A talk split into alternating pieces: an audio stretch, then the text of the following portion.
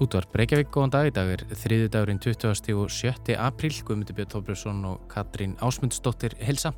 Þú ert að hlusta á fréttatáttinn Hádeið. Í dag eru 36 ár frá kjarnorkuslísinu í Tjernobyl í sovjusku Úkrænu. Sér litið til döðsfalla og kostnæðar er Tjernobyl-slísið mesta kjarnorkuslís sögunar. En sér litið í baksíni speil hennar má fara raug fyrir því að slísið hafi markað uppafið af endalókum Sovjetríkina. Valur Gunnarsson, sagfræðingur, neyru með okkur í síðara hluta þáttarins og ræðir um þetta hörmulega slís.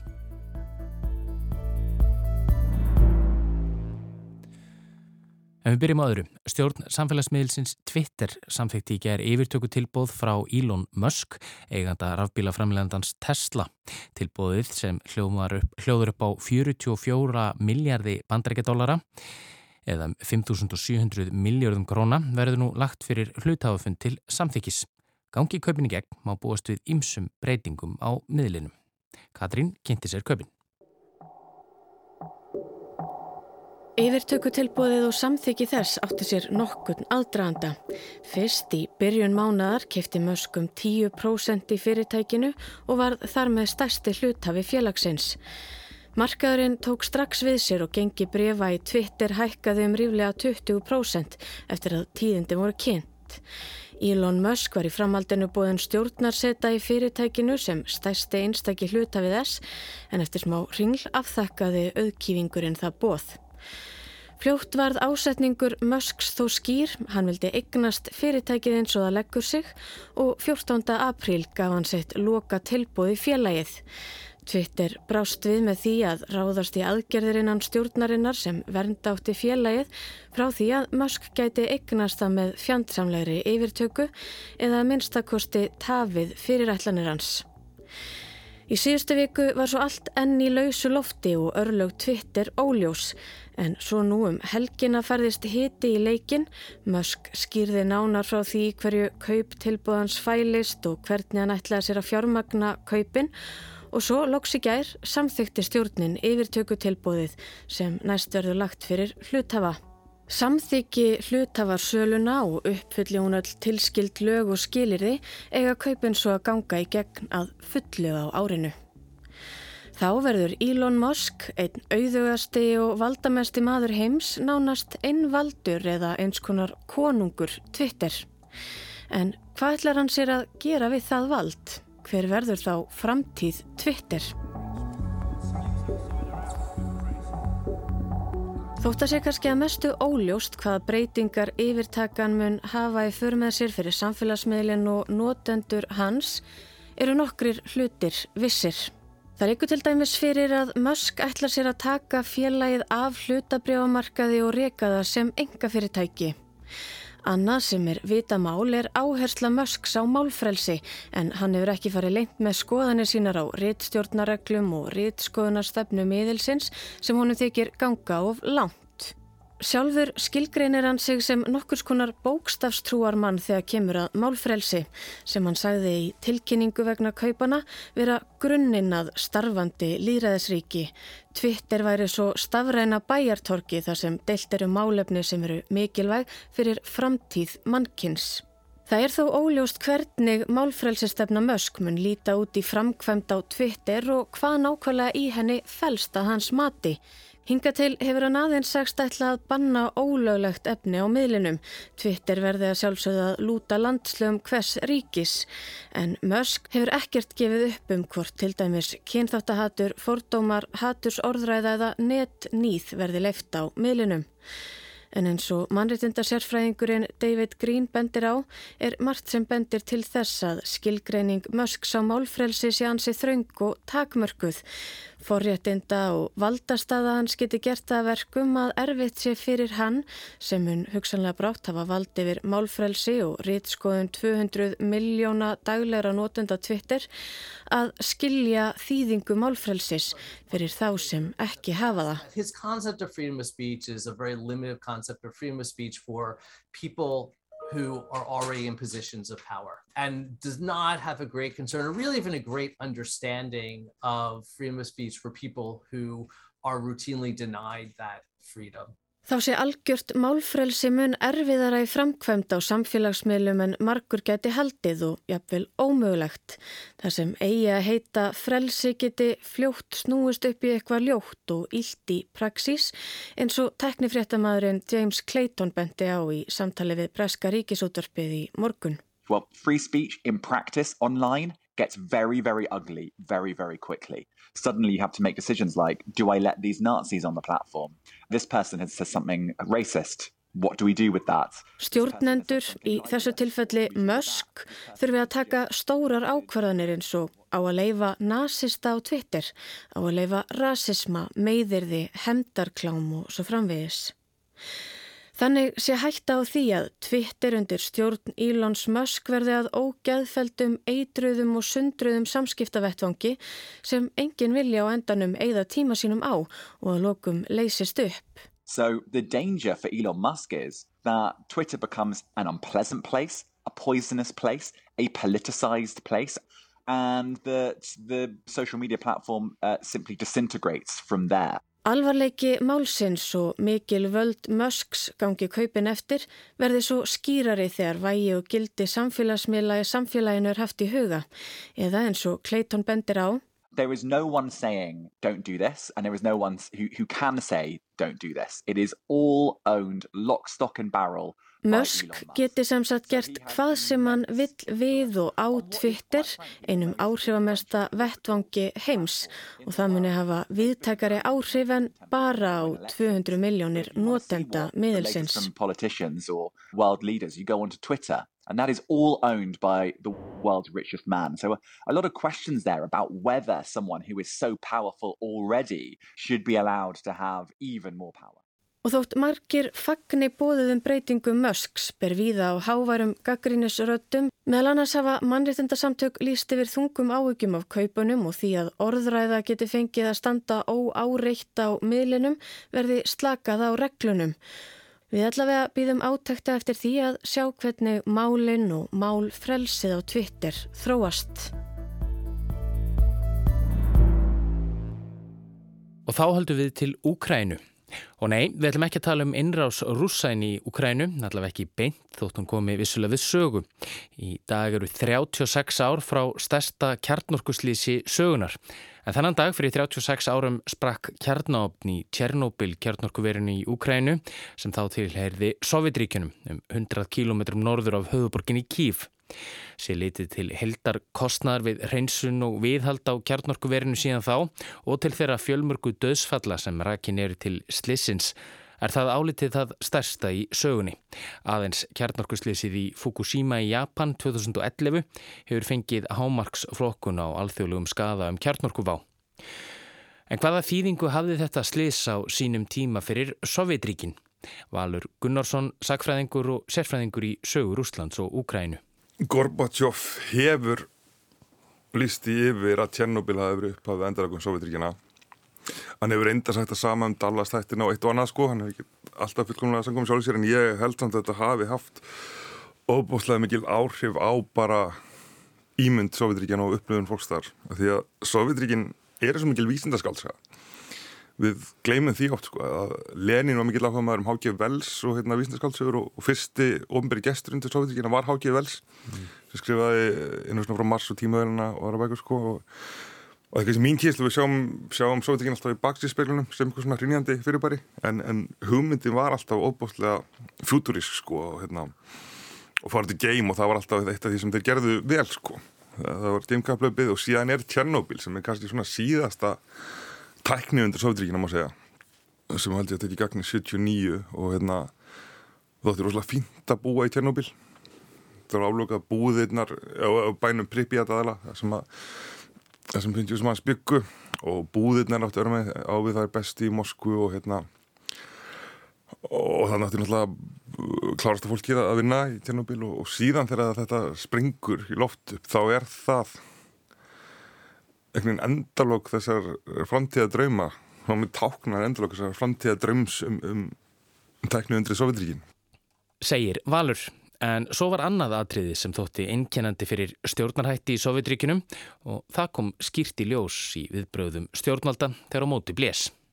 Annað er þessi stemning sem að menn grýpa til þarna og gert oft síðan og það er bara strax að byrja að ljúa en það, þú veist auðvitað komast allir að því að eitthvað hefur gerst en það fyrst er þetta fyrst einhverju mælum í, hérna, í Svíþjóð að það kemst upp um, um slísið og, og yfirvöld í Moskva heldur áfram að ljúa dögum saman sem hann alltaf gerði þau alveg hrægilega alþjóðlega en, en gerði það líka verkum að fólk í Sovjetíkinum sjálfum fór líklega enn meir en áður að missa endala trúna á yfirvöld og þetta hafði dæmis áhrif á, á sjálfstæðisbartu úkrænumanna sem að hérna, fór svolítið þarna meira á stað og hérna, því menn gæti Mosku umslýsið og, og yfirvöld þar vildi það alveg ekki bara vanhæf heldur óheðarleg líka Þú talar um að Já, Gorbatsjóf hafi já sjálfur sagt þetta með að, að þetta hafi svona markað svolítið upphafið að endalókum uh,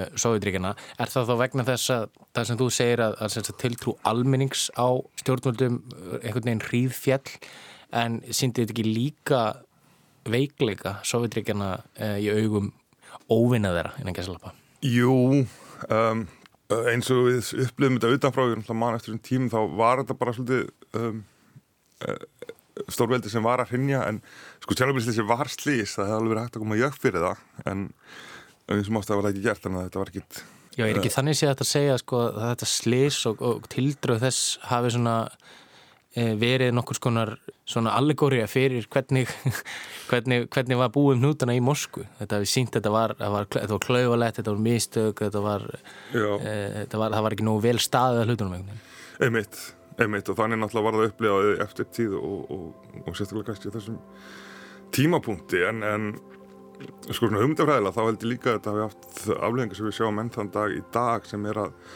að því að ég vil lögur svo gengdalöst og, og það var ekki treystarinn sem segja og þetta er einhvern stemning sem er ennþá í dag í, í Rúslandi en sem að Putin einhvern veginn eru kunnað að nýta sér. Og með því að fólk trúur ekki neitt þá, þá er alltaf látað að trúa hverja sem er sko. en já, þetta er eina, auðvitað að byrja fyrir en þetta er svona eina aflegum Tjernobyl er, er óbúslega vantrú allt og við sjáum bara enn í dag hvað sem að skip springur eða hvað sem það kann að vera það er alltaf byrjað að ljúa alveg sama hversu ósennilega liðarnar eru. Og þannig einhvern veginn tekst að ruggla fólk algjörlega í rýminu mm -hmm. sem kannski tókst ekki alveg þarna til lengdar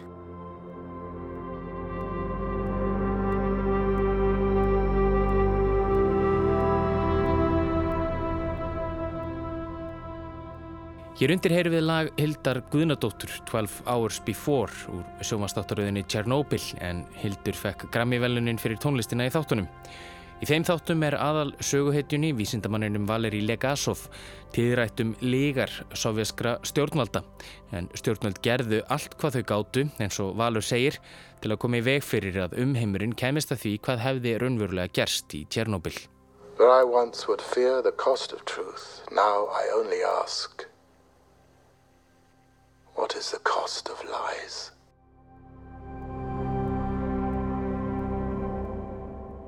Og þótt 36 ár hafa liðið frá slísinu dilst engum sem þangað kemur í dag að þarna átt eitthvað hryllilegt sér stað. Sko að fara til tjennu og bleið bara eitthvað það, það magnasta sem að maður getur upplegað held ég, eða ég hef upplegað að mestu kosti. Og hvernig sem maður ímeita sér þetta svona annarkort sovjetríki í formalíni einhvern veginn eða einhver kjarnarku eðumörk, þá er maður ekki undirbúin undir það sem maður sér sem er ofbóðslega lifandi náttúra sem er að gleipa borgin aftur og ofbóðslega hrausleg dýra því þrátt fyrir í geyslaverkni þá dapnaðu betur og stóri hyrstir eh, dapnaðu betur án þess að mannestjan komi að nafa því þetta er náttúrulega bara stórt svæði uh, það sem að engar manneskir nánast eru sko. Og maður finnur bara hvað hvað þessi hratt samt soviskar uh, betungblokkir hverfa á hversu fljótt hérna, um uh, sko, leifar mannkins og, og bygging okkar geta horfið sko. Mm -hmm. hérna, þetta er svæði sem er á starfið Luxemburg sko sem er lókað af. Það voru eitthvað um 200.000 mann sem voru fluttir í burtu. Bæði sem bjóði í borginni Pripyat en líka bara alls konar uh, smábæðum og sveitabæðum í kring. Og hérna þeir voru fluttið til borga uh, meðan til Slavútic og margir döfniði mjög illa langt frá heimahögunum og ekki síst vegna þess að, að þau voru jafnvel litin hodnega sko sem hérna einhvers konar bara gíslaverk frík sko hérna. brandarar á borðið hvað er sjöfnum sjö uh, íbúið tjennabli geta talið á fingrum annan handar og eitthvað svona og, hérna, og sumt sérstaklega eldra fólki hvað er að snúa aftur á, á bansvæðið og hefur búið þar allan eitthvað 200 manns og fær að vera óáreitt frá yfirvöldum og það er komið ljósað að það dafna betur þar og lífur faktisk lengur þar heldur en að gera þetta að flutti borgarna. Ég hef þó að heilbríðskröfu sé kannski ekki alveg fullkomnar en, en fólki samt líður hana betur á heimaðum og bara rækta sínar rófur og, og karteblur. Um þetta fellar einmitt heimildamindin Babúskutnar í Tjernobyl sem síndverður í Bíóparadís á morgun. Myndin fjallar um gamlar konur sem kusu að flytja aftur á bandsvæðið og hafa búið þar síðan.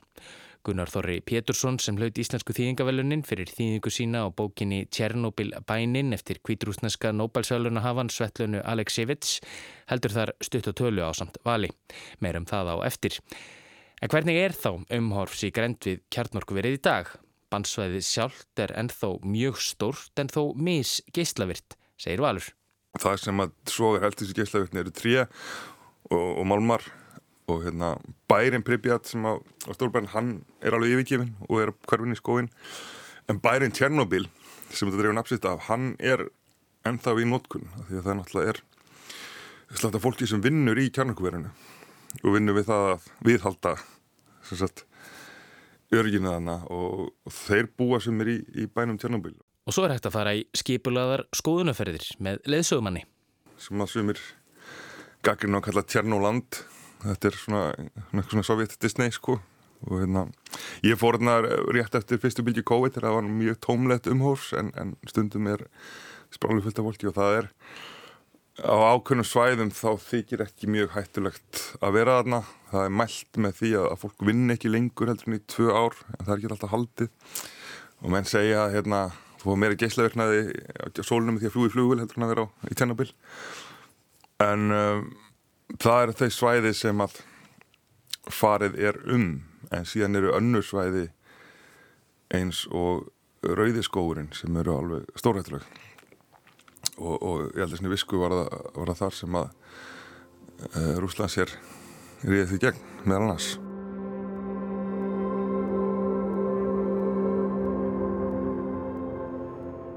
Það var einmitt strax á fyrstu dögum innrálsarinnar í Úkrænu sem rúsnarskir hermenn réðust inn á þetta ram geislavirka svæði og tóku kjarnorku verið yfir.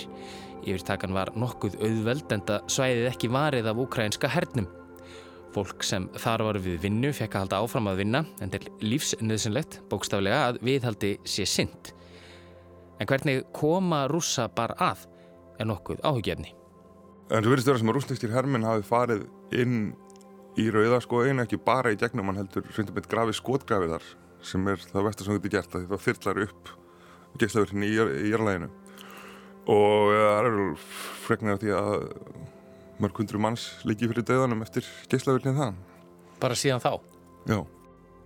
Og það eru rúsneskir hermenn sem fóru þær inn af hernarlegum ástæðum en tókuist ekki tillit til þess að þetta er geyslavirkasta svæði veraldar Ég þakka Vali Gunnarsinni fyrir spjallið og hann hvetur sem flesta til að gera sér ferði í bíó á morgun en það rennur allur ágóði til góðs málefnis.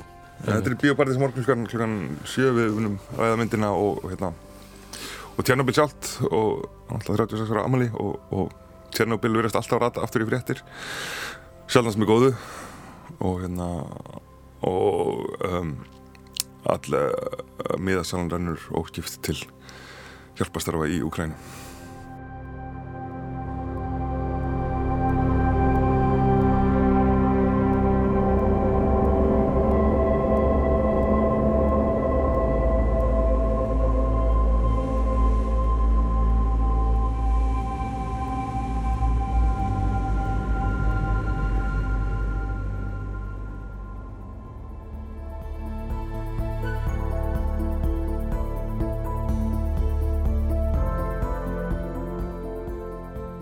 Þetta sagði Valur Gunnarsson sagfræðingur en hátið er þá enda í dag og við verum hér aftur á sama tíma á morgun að vanda. Þennan þátt og alla hérna er þetta líða á í spilarann á rúf.is og öllum helstu hlaðvarpsveitum. Þá er þetta að senda okkur ábendingar á neittfangið hátið hjá rúf.is. Verið sæl.